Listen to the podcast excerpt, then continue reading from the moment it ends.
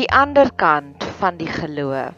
So tot en met hierdie versie was alles ongelooflik upbeat, nê? Nee, kyk, ons het nou lekker avonture gehad deur al die geloofsleiers wat hulle reg gekry het against all odds.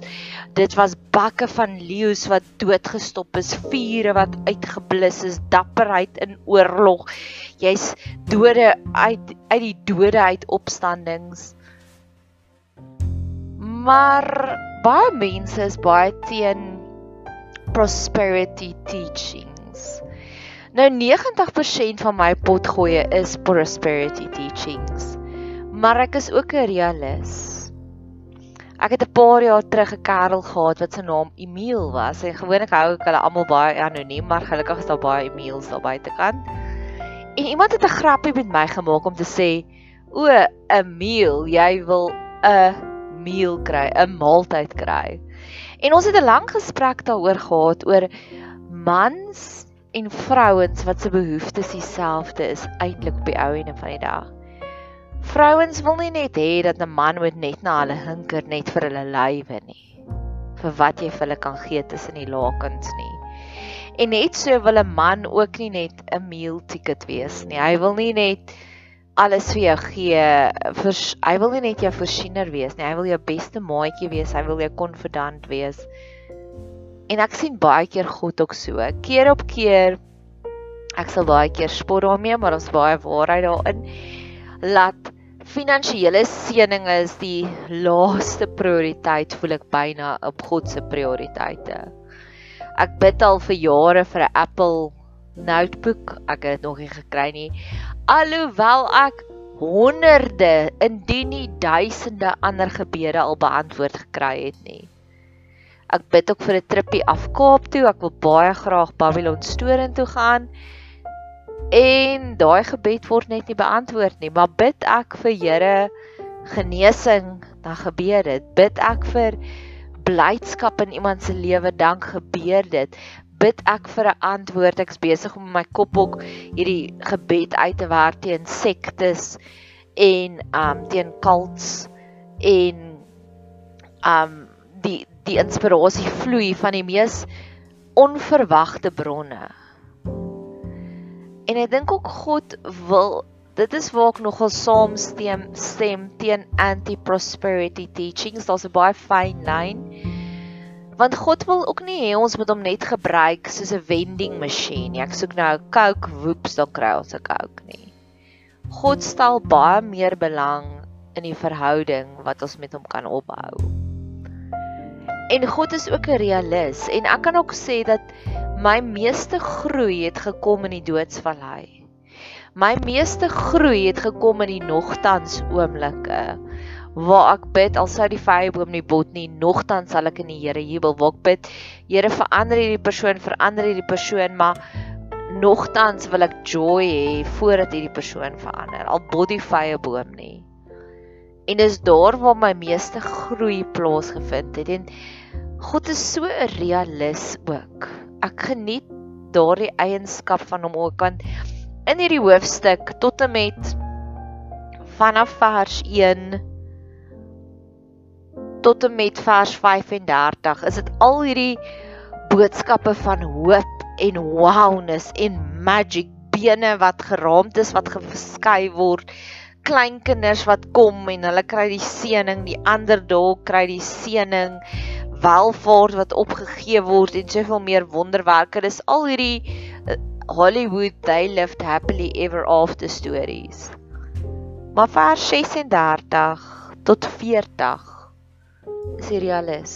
Dis die anti-prosperity. Dis die oomblikke wanneer jy hoop vir iets en dit werk nie uit nie. En selfs in daai oomblikke na die verskriklike opbou, na die verskriklike upbeat um waar ek laat ek dit gou gaan tel. Ha, 7 potgoeie al van tevore gemaak het oor een hoofstuk want die hoofstuk het my so aangeraak en daar's soveel rykte en diepte en dimensies daaraan. Is potgoeie nommer 8 en 8 is 'n profetiese getal. 7 beteken perfection en 8 beteken opstanding. is hierdie potgooi nommer 8 'n downer, 'n slegte een, 'n 'n potgooi van tevore het hulle al hierdie hierdie highlights wat mense verrig het deur geloof. Maar die realis kom in. So ek gaan vir jou lees. Ek gaan dit uit die Ou Tydse Bybel uitlees. Die 1933-83, so ek gaan hom stadig lees want die woorde is maar groot, nê, nee, in die Bybel. Ander weer het die proef van bespottinge en geseeling, o nee. Dis van 5 vers 35 en ander is gefolter en wou geen bevryding aanneem nie. Gefolter beteken getorture, gemartel om 'n beter opstanding te verkry. Ander weer het die proef van bespottinge en geeselinge deurstaan, ook van boeye en gevangenes. Hulle is gestenig, in stukke gesaag, versoek deur die swaard, vermoor. Hulle het rondgeloop in skaapvalle en in bokvalle. Hulle het gebrek gelei, hulle is verdruk, mishandel. Die wêreld was hulle nie werd nie. Hulle het in woestyne rondgedwaal en op in 'n berge en in spelonke en in skeure in die grond. OK, hier kom die upbeat gedeelte weer. En alhoewel hulle almal dit deur die geloof getuienis ontvang het, het hulle die belofte nie verkry nie omdat God iets beters oor ons beskik het sodat hulle nie sonder ons sou volmaak word nie. Ek gaan dit in die boodskap Bybel net ook deurlees want dit is soveel groot woorde. Ek weet nie hoe voel jy daaroor nie. Voel asof ek baie hard moet dink as ek dit lees. Die boodskap Bybel vanaf vers 35, die helfte van 35. Maar daar was ook ander wat dit eerder gekies het om gemartel te word as om onder sekere voorwaardes losgelaat te word. Hulle het daarna uitgesien om na die dood op te staan in 'n beter lewe by God. Party is uitgejou en geslaan terwyl ander geboei en in die tronk gegooi is. Die lysie word langer. Van hulle is met klippe doodgegooi. Ander is in stukke gesaag of met die swaarde doodgekap. Met party het dit so sleg gegaan dat hulle net 'n skaap of 'n bokvelletjie gehad het om aan te trek. Hulle het nie eens behoorlik kos gehad om te eet nie. En waar hulle ook al gekom het, het mense hulle weggejaag en sleg behandel. Hulle het in die wildernis gaan bly en in die grotte en gate weggekruip. Die wêreld het nie regtig besef hulle wie hulle is nie, want dan sou hulle geweet het dat hierdie mense is baie beter as hulle. Hoewel daar sommige mooi dinge oor hierdie mense gesê is, omdat hulle so op God vertrou het, het hulle ook nog nie alles gekry wat God vir hulle beloof het nie. God het 'n ander baie beter plan met ons almal. Hulle sal nie alleen nie, maar saam met ons volledig kry wat God vir ons almal wil en sal gee. Okay, so die interessante gedeelte is, ek moet gou-gou side note, hoofstuk 12 wat weer 'n baie upbeat boodskap is, gaan ook baie oor daardie wolk van getuienis, daardie join the gang tipe van dit is dus next level gemeenskap. Ons het begin met community vroeg in die studie, maar hier begin hy al klaar die skrywer of sy begin te allude na daar's iets beters. Ons gaan amper intap in wat hierdie vorige mense reg gekry het en daai gees gaan ons lei en ons is sterk. So dit word baie vinnig baie geestelik van hier af vorentoe. Maar ons moet bietjie stil staan by die slegte, by die gaga, by die doodsvallei, by die wanneer jy hoop die leeu se bek gaan toegestop word en dan word hy nie en dan kry jy die eina, dan kry jy die houe. God is 'n realis. Hy wil ons nie spoiled brats maak nie, net soos wat 'n pa die beste iPhone kan bekostig vir sy kinders, maar wat hy eerder kies, ek wil eerder hê my kind se karakter moet groei as wat ek hulle bates laat groei. God kyk baie so na ons ook. So ek wil bietjie stil staan by die gaga wat hulle hier uitwys.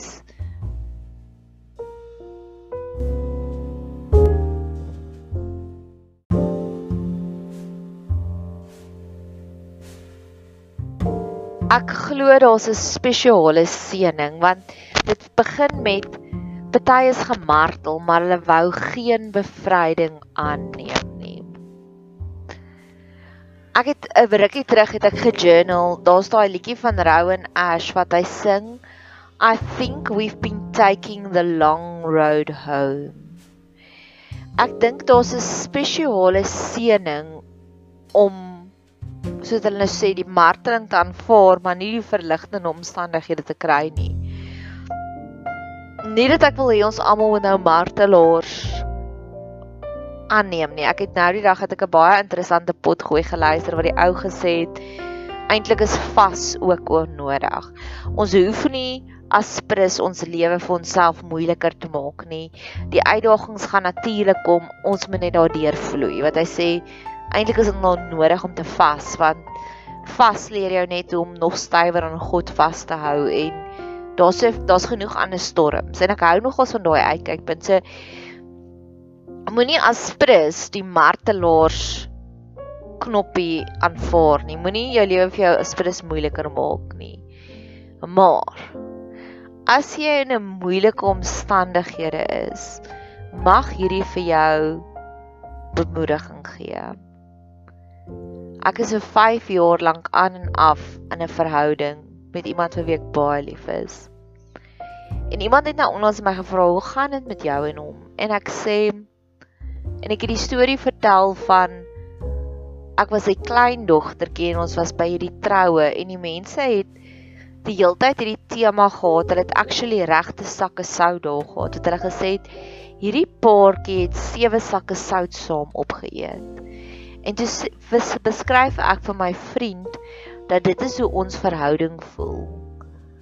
Ons het sewe sakke sout saam opgeëet en as ek kon kies sou ek waarskynlik hierdie moeilike pad gevat het nie. Ek sou nie soos Rou en Ash gesing het we've been taking the long road home nie. Maar daar kom 'n spesiale seëning wanneer dinge bietjie moeilik is. Daar kom spesiale seëninge waar ek weet ek word vertrou deur hierdie persoon wat die mees intense verbintenis kwessies het, commitment issues het.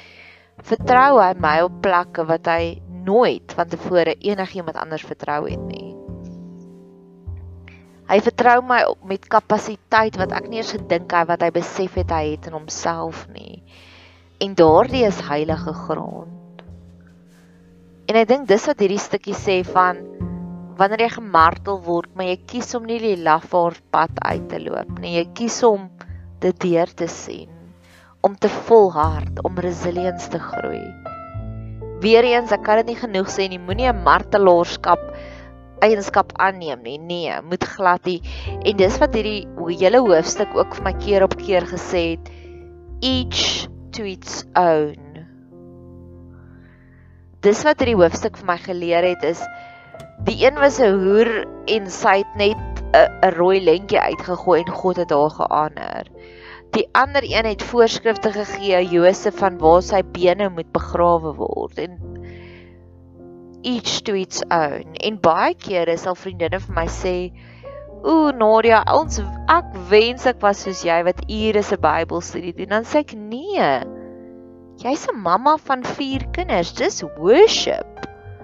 Om in jou kar te klim en al die pad John Foster toe te ry, 30 km om jou kind te gaan optel en terug te ry. Dis worship. Dit raak net soveel God se hartsnare aan as dit my duisende ure se gebed doen. Each to its own. Sommige mense drink 'n pilletjie vir elke liewe pyn en skeet en ander hou net nie van pille nie. Dis oukei. Okay. Dis die groot debat met inenting of nie inenting. Wat ook al jy laat slaap in die aand.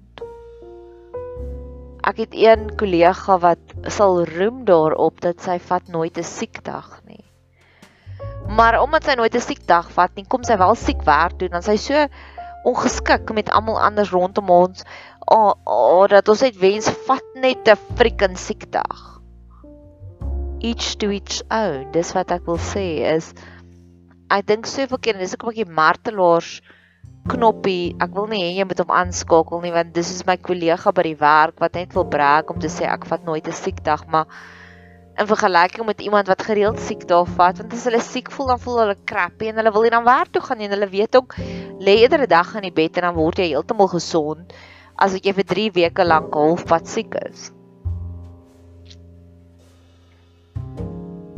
daar kom 'n spesiale seëning wanneer jy kies om dit uit te sien. Weereens met my verhouding, baie van my vriendinne het my al baie erg geoordeel.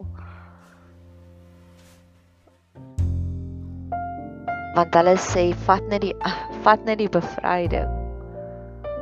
Moenie jouself en daar daar's 'n spesiale blessing as jy dinge wil deursien. So die volgende slegte ding is ook die proef van bespotting, geeseling deurstaan en ook van boeye en van gevangenes. Baie kere is dit die eerste en die enigste manier hoe jy weet jy doen iets reg in die geestelike riem wat jy kry bespotteling. Ek kan intedeel nou nog sê die hoeveelheid lyste van kritiek wat ek al gekry het outweighs baie meer die as die hoeveelheid prysgesange. My YouTube kanaal kry ek ten minste een keer elke 3 maande uittrap oor dat ek my tale so meng. Maar ek weet dit sal net iemand irriteer as hulle lank genoeg tyd spandeer het. So hulle sal net die briefie begin met "Sjoe, Dit het my so aangeraak dat ek het 5 ure lank na jou pot gooi geluister of jou video's en tot ons agterkom met irriteer ons bietjie dat jy die tale meng. Baie kere is die eerste manier hoe jy besef jy doen iets reg in die geestelike riem is as jy verwerping begin ervaar. As mense wat jou tribe was van tevore nie meer saam met jou gel nie en hulle stoot jou uit. So mag jy Weereens moenie die martelaar knoppie aanskakel in jou siel nie. Maar mag jy slegte dinge wat jy ervaar, soos verwerping, soos mense wat jou uittrap om met jou tale meng. Mense wat jou aanvat oor jou lewenstyl. Mag jy dit nie net as suiwer kritiek sien nie, mag jy dit sien as dis 'n geloofspad ook. Daar's 'n spesiale seëning in dit in. Jesus het gesê geen profeet sal erken word in hulle vaderland nie. Ek kan boeke daaroor skryf oor hoe my eie familie my verwerp het. Want ek's weird. Hoekom doen ek hierdie vreemde goed? Hoekom is ek nie meer in kerk nie? Weereens iets to its own. Ek sê nie vir enigiemand wat hierna luister klim uit 'n kerk uit nie. Van my beste vriendinne is baie betrokke met kerke en dit is hulle passie en dis each to its own. Waar ek het my mooiste oomblikke met God al gekry in Westpac. Maar mag hierdie hierdie pot gooi vir jou hoop gee want weer eens dis ook my probleem met prosperity teachings. Want baie kere as jy nie daai voorspoed kry nie, dan voel jy wat doen ek verkeerd. En dis my hoop met hierdie pot gooi om te sê, weet jy wat? Ek het 5.5 miljoen prosperity teaching stories. Maar ek het net soveel meer indien nie meer donker stories, doodsvallei stories, bespotting, verwerping, trauma. Trauma beteken letterlik 'n wond in jou siel van mense van wie ek dit die minste verwag het wat omgedraai het en die grootste sambok uitgehaal het en die siel gekap het en dis ook 'n teken van groei. Ek het hierdie quote wat ek al keer op keer gebruik het van die persoon wat sê hulle sien hierdie hierdie hierdie lig wat uitstraal uit hierdie vrou uit in die winkelsentrum en hulle wil vir haar vra waar kry jy daai innerlike vrede? En dan raak hulle haar net op die skouer en sê jy het mooi hare. Mense weet nie lekker wat hulle siel voel by jou nie en dan artikuleer hulle dit en waar die hart van vol is loop die mond van oor. So as die hart donker is dan gee hulle dit hulle voel die verandering in jou siel. Maar hulle weet nie hoe om dit te artikuleer nie. Soms kom dit baie positief uit waar mense vir jou verraad vra. En dan weet jy o, hulle voel iets aan, maar baie keer ek wil amper sê 3 uit die 5 kere uitkom dit uit geeseling, uit trauma, uit verwerping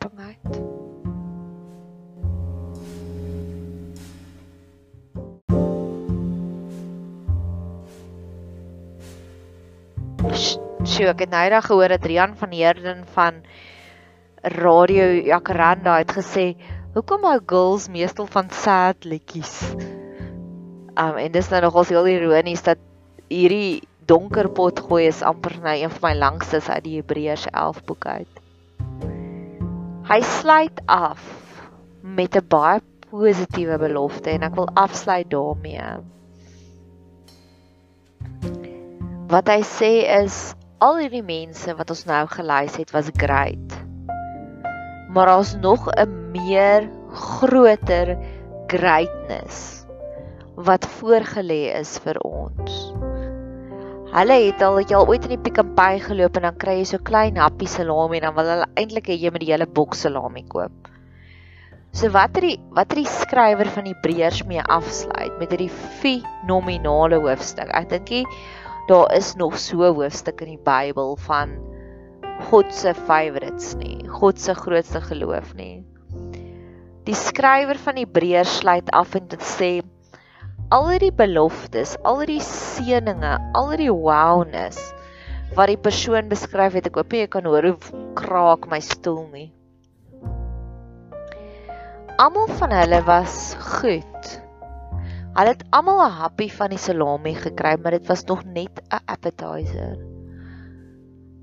As ons deurdruk in ons geloof, kan ons die hele boks salami kry. Ons hoef nie net een klein happie te kry nie, ons kan onsself trommel dik eet. Draai wie lus vir salami. My vriendin het by Woolies verlede week shout out vir Woolies die lekkerste pak salami gekoop en dalk gaan ek dit sommer nou-nou koop. So die hoofstuk word afgesluit min of meer met hierdie wortel wat voor ons neuse gehou word om te sê daar is meer there's gotta be more. En mag ons indruk en instoei in hierdie belofte in. En soos ek sê, hoofstuk 12 sirkel keer op keer terug na hierdie konsep van jy is by 'n hoër berg, jy het meer voordele. Ek sien amper die geloofsreis as volg. Ek sien dit soos al hierdie mense het nog Nokia 3210s gehad En vandag het ons slimfone wat soveel meer kan doen. Die Nokia foon kan nog steeds se mamma gebel het in die Vrystaat. Nou kan my Samsung ook my pa bel in die Vrystaat, maar ek kan nou vir hom 'n video stuur. Ek kan nou vir hom 'n live location stuur. Die funksies het aansienlik vermeer, vermeerder en dis min of meer die die herhalende hoofstuk, die herhalende tema in Hebreërs om te sê Julle het soveel meer voordele nou. Julle het soveel meer tools nou in julle toolbox. Soos hierdie mense dit kon bereik het, wat kan ons bereik? Mag jy 'n geseënde dag hê verder.